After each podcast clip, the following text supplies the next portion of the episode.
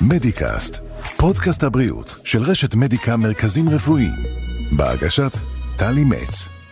שיחות עומק עם הרופאים המובילים בישראל, על רפואה, סיפורים אישיים ומה שביניהם. על ניתוח בריאטרי בטח שמעתם, אתם אה, סביר להניח מכירים אותו בשם היותר נפוץ שלו, ניתוח לקיצור קיבה. בעצם ניתוח שמציע פתרון לבעיית השמנת אה, יתר על ידי הקטנה משמעותית של נפח הקיבה, כך שהמטופל מקבל אה, תחושת שובע הרבה יותר מהר ומאכילת כמות הרבה יותר קטנה של מזון. הסטטיסטיקה מצביעה על מעל 70 אחוז הצלחה בניתוחים מהסוג הזה, תוך כדי שמירה על תזונה וכמובן מעקב רפואי צמוד. אז איך בדיוק זה קורה, למי זה מתאים, ניתן לכם כבר ספוילר, ממש לא לכולם, וגם אה, איך נראים החיים שאחרי. לשם כך נמצא איתנו דוקטור גדעון סרוק, המנהל היחידה לכירורגיה לפרוסקופית, מרכז רפואי בני ציון, כירורג בכיר במדיקה חיפה ויושב ראש החברה הישראלית לכירורגיה אנדוסקופית. וכתוב לי כאן שיענה על כל השאלות, אז נשתדל, לפחות על רובן. שלום, דוקטור סרוקה, ברוך הבא. שלום רב, תודה. בוא ברשותך נתחיל עם הדבר הכללי ביותר לטובת מי ששומע אותנו ותוהה לעצמו, מהו לכל הרוחות ניתוח בריאטרי. אז זה באמת, כמו שאמרת, אה, איזשהו שם כללי לקבוצה של ניתוחים שעושים אותם, אה, שהמטרה ש, שלשמה הם מבוצעים, היא גם כדי לרדת במשקל, אבל לא רק כדי לרדת במשקל. זאת אומרת, אנחנו בעצם מדברים פה על קבוצה של אה, מצבים, השם המלא זה כירורגיה מטאבולית ובריאטרית, כיוון שאנחנו עושים איזשהו, איזשהו שינוי במערכת העיכול של המטופל, כזה שעושה, אה, אה, מייצר תגובה שהיא גם אה, קשורה בירידה במשקל, אבל גם קשורה בריפוי של מחלות נוספות, מחלות נלוות להשמנה. סוכרת ודברים טובים מהסוג הזה. הדבר הכי שכיח זה מה שנקרא התסמונת המטאבולית, שזה שילוב של סכרת, אה, הפרעות בלחץ דם, mm. יתר לחץ דם והפרעות בשומני הדם. וכל הדברים האלה בעצם עוברים רגולציה במערכת העיכול באופן כזה שההתערבות שלנו גם גורמת לירידה במשקל, אבל גם לשיפור משמעותי במצבים האלו. אז, אז ניתוח בריאטרי הוא בעצם אה, מין אה, שם שמאגד בתוכו כמה סוגי ניתוחים? אז כן, אז בעצם יש היסטוריה לדבר הזה, וההיסטוריה הזאת גם קשורה בפופולריות במקומות מסוימים וגם בגיאוגרפיה, ואם מסתכלים על זה ברמה העולמית, אז uh, התחילו עם הדברים האלה לפני עשרות שנים במאה הקודמת, uh, כשעדיין עשו כירורגיה פתוחה, זאת אומרת היה צריך לפתוח את הבטן, ואצל אנשים uh, עם עודף משקל, לפעמים רק הכניסה לחלל הבטן בצורה כזאת היא מייצרת ניתוח גדול ומשמעותי עם אפשרות לסיבוכים. אה, איפשהו אפשר להגיד בשנות התשעים ובתחילת שנות האלפיים, כל התחום הזה של הכירורגיה, כמו כל הכירורגיה הכללית, אה, עבר אה, שינוי והפך להיות מבוצע בכירורגיה לפרוסקופית, כלומר בחתכים קטנים עם מצלמה, מה ששינה באופן מאוד משמעותי את, ה, את הסיבוכים שקשורים בגישה על היד, בגישה לניתוח. עדיין כמובן יכולים להיות סיבוכים שקשורים בניתוחים עצמם ובמה שאנחנו עושים שם, אבל uh, אם מסתכלים היום על, ה, על הניתוח הממוצע, אז בדרך כלל בן אדם עובר ניתוח די גדול. ו, והולך הביתה אחרי יומיים אה, בממוצע, לפעמים אחרי יום אחד, לפעמים שלושה ימים, תלוי בהחלמה ובמהות הניתוח, אבל הדברים האלה כמובן לקחו הרבה יותר זמן בעבר. אז בהיבט הזה uh, קפצנו קדימה. אז, אז אם אני מנסה ככה לפרוט את זה למטבעות קטנים יותר, um, אילו סוגי, סוגים של ניתוחים אה, ברטיה? אנחנו יודעים על אה, קיצור קיבה באמת, יש שרוול, יש... אה, אז ככה... קיצור קיבה זה בעצם שם כללי, צריך להתייחס אליו כמו למילה ניתוח בריאטרי, זה שם mm-hmm. כללי, mm-hmm. אנחנו לא באמת עושים קיצור קיבה, אין ניתוח כזה. אבל הניתוחים, בוא נגיד שב-20 שנה האחרונות הניתוחים שהיו מאוד נפוצים וכולם עדיין על המדף, בעבר היה שימוש בטבעת, טבעת מתכווננת, שזה היה מאוד מאוד נפוץ. אה, עם השנים השכיחות של הניתוח הזה הלכה וירדה כיוון שהתפתחו כל מיני סיבוכים, א' הניתוח הזה דורש מעקב צמוד כן. ו- ו- ומילוי וניפוח או ריקון של הטבעת בהתאם למצב של המטופל.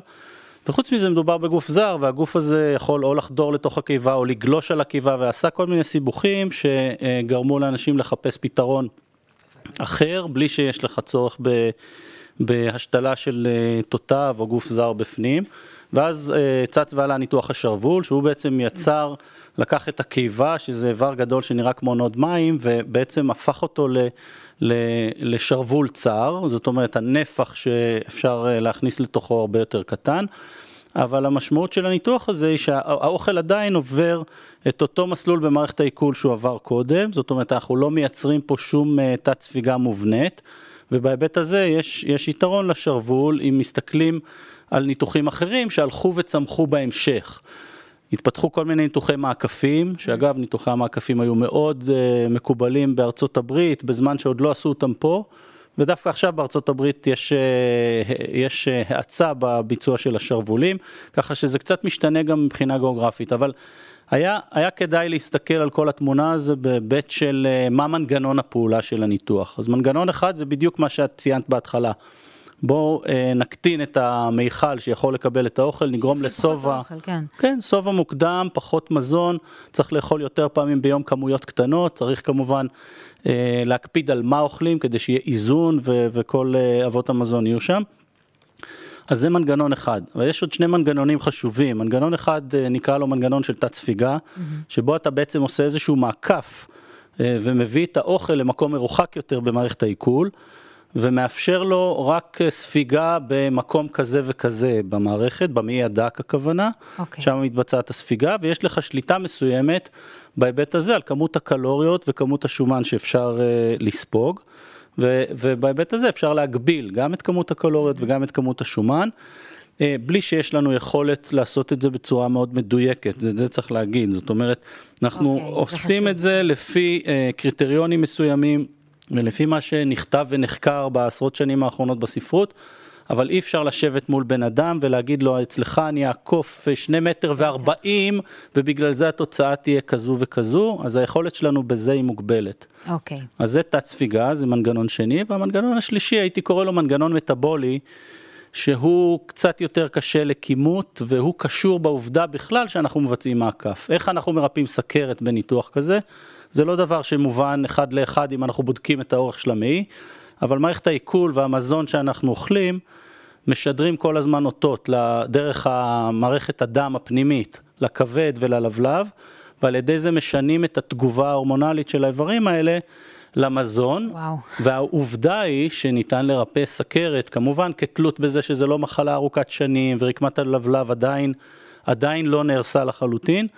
אז, אז uh, יש הרבה מחקרים שמראים שניתוחים שונים, גם, גם השרוול, אבל כמובן המעקפים בצורה יותר משמעותית, uh, גרמו לירידה משמעותית בתרופות של סכרת, אפילו להפסקה של תרופות של סכרת ולהפיכה של המחלה. דבר גורר דבר, תגיד, ובכל זאת, אנחנו יודעים שלא כל אחד יכול לעבור את הניתוח הזה. מי לא יכול? תראי, יש בכלל, בכל ניתוח, אנחנו יושבים מול בן אדם, אז תמיד אנחנו צריכים לשים מולנו את התועלת האפשרית מהניתוח הספציפי הזה, אז תלוי מה ההיסטוריה של הבן אדם מבחינה רפואית, כן. תלוי מה ההיסטוריה הניתוחית, יכול להיות שהוא עבר ניתוחים בעבר בקיבה, ולא כל ניתוח ניתן לעשות, או, או, או חשוב להגיד, לא כל ניתוח ניתן לעשות בצורה בטוחה. Mm. בסופו של דבר אנחנו צריכים לעשות פעולה ניתוחית די מורכבת. והמטרה הראשונה שלנו תמיד היא שבן אדם יצא ממנו אה, בשלום, כן. כשהכול עבר בשלום והסיבוכים קצרי הטווח לא יקרו. וזה הדבר הכי חשוב. והדבר השני זה, זה מחלות הרקע. אה, אנשים סובלים מכל מיני מחלות וזה הופך את הפעולה הרפואית למסוכנת יותר או פחות. אם לבן אדם יש מחלת לב או חלילה עבר אירועים מוחיים וכדומה, אז צריך לשקול את זה.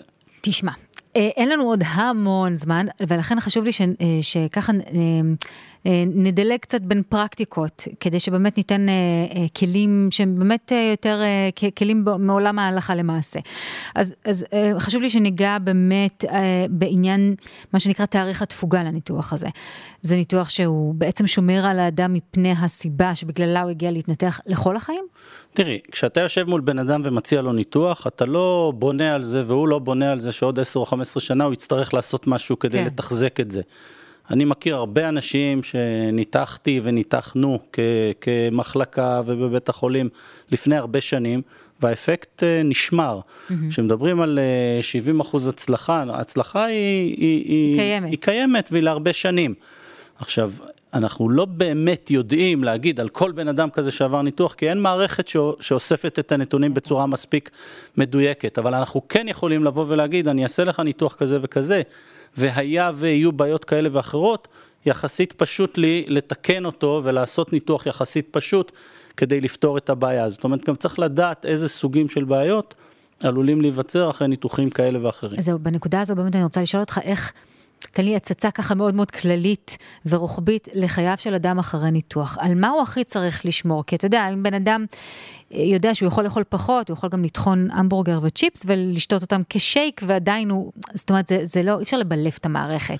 אז, אז ברור, לפי מה שאמרת, זה בהחלט נכון. ברור שבן אדם צריך לבוא עם מוכנות לניתוח, שהיא קודם כל מוכנות רגשית ופסיכולוגית, נכון. לשינוי שהוא צריך לעבור. אם אתה לא מוכן לזה, אז אתה כל הזמן תהיה בקונפליקט מול מה שאתה כאילו רוצה לעשות, לשמר איזה מנהגים שהיית רגיל לעשות, לבין זה שהגוף שלך כרגע לא מסוגל להתמודד עם זה בצורה טובה, יהיה, יהיה, יהיו לזה סיבוכים. אז ברור שהשינוי הזה הוא הכי משמעותי, ובהיבט הזה מאוד חשוב קבוצות התמיכה, ומאוד חשוב המעקב המסודר, במיוחד בשנתיים הראשונות, אנחנו מקפידים על זה. מעקב מסודר של דיאטנית, מעקב מסודר של הרופא המטפל, של הכירורג שניתח, לראות שלא מתפתחים חסרים תזונתיים כאלה ואחרים, ושאתה מקפיד על תוספי התזונה, אבל בעיקר לבנות איזושהי אה, מערכת של הרגלים. שקשורה גם בתזונה שלך, גם בפעילות, גם בפעילות הספורטיבית, גם ביום יום. הרי מתי זה יכול להצליח? זה יכול להצליח אם בנית משהו כזה שאתה חי איתו בשלום וטוב לך איתו. כן. לא אם אתה כל הזמן בקונפליקט וכל הזמן עושה משהו שאתה לא מבסוט ממנו ואז אתה תעשה דברים אחרים. אחרים וכמובן שזה יוביל אותך לדרך אחרת. עובד על עצמך בסוף, אין פה, אין פה איך להתחמק מזה. אני רוצה לשאול אותך, מין שאלת closure אה, כזאת, אה, אדם שעכשיו שומע אותך, וככה מתלבט, לא בטוח אם הוא רוצה ללכת על הניתוח הזה או לא, מה היית הכי רוצה שהוא ישמע? זה מאוד חשוב, אני, אני אוהב את המתלבטים, כי זה אומר שהם עושים תהליך נכון, mm. אי אפשר ללכת לניתוח כזה בלי להתלבט. כן. השאלה באיזה שלב הוא, הוא מופיע בפניי, בפני הכירורג. רוב האנשים נכנסים בדלת של הכירורג אחרי תהליך של התלבטות לא פשוט. זה חשוב להתלבט, זה חשוב שכל המידע יהיה על השולחן. כשמדברים על סיכון ועל אפשרות לסיבוך בניתוח, צריך טיפה להבין מה המשמעות שלו. זה הרי קורה לאנשים באמת, ויש דרך לטפל בדברים האלה ומה המשמעות שלהם. הנטייה היא לחשוב, אה, כן, אם אתה אומר לי שמשהו רק בחמישה אחוז יכול לקרות, אז הוא לא יקרה לי, כי ב-95% הוא לא יקרה, אבל אם זה קורה לך, אתה צריך לדמיין את עצמך במצב הזה וצריך לדעת שאתה יכול להתמודד עם זה, ולא לבוא ולהגיד, אך, לא, חבל שעשיתי או משהו כזה. צריך כוחות וצריך סביבה תומכת, וצריך לשמוע בדיוק מה מנגנון הפעולה של כל אה, אה, ניתוח כזה, ומה מצופה ממך אחר כך, ולשאול את כל השאלות האלה. ואז צריך לבנות את מערכת התמיכה שתהיה לך אחרי הניתוח. Mm-hmm. לא לבוא לניתוח ולהגיד אני אעשה את זה אחר כך, כי, כי אחר כך יותר קשה לך. אתה כבר צריך לבוא למערכת שהיא מוכנה. ניתוח אה, שגם עבודת ההכנה אה, לפניו וגם מה שהוא דורש לאחריו, הם אה, לא דבר שיש להקל בהם ראש, צריך להתכונן לזה. בהחלט. כל האספקטים שמנית. דוקטור גדעון סרוקה, אני מאוד מאוד מודה לך שבאת. תודה רבה על המידע החשוב שנתת כאן. זה באמת דברים שככה, אתה יודע, מלקטים בדרך כלל, אז טוב שנתת את זה ככה במרוכז, שמי שעוד איכשהו שוקל או מתלבט, יקבל את זה במנה קדושה. בשמחה רבה. תודה רבה שבאת. תודה. מדיקאסט, פודקאסט הבריאות של רשת מדיקה מרכזים רפואיים. בהגשת טלי מצ. שיחות עומק עם הרופאים המובילים בישראל, על רפואה, סיפורים אישיים ומה שביניהם.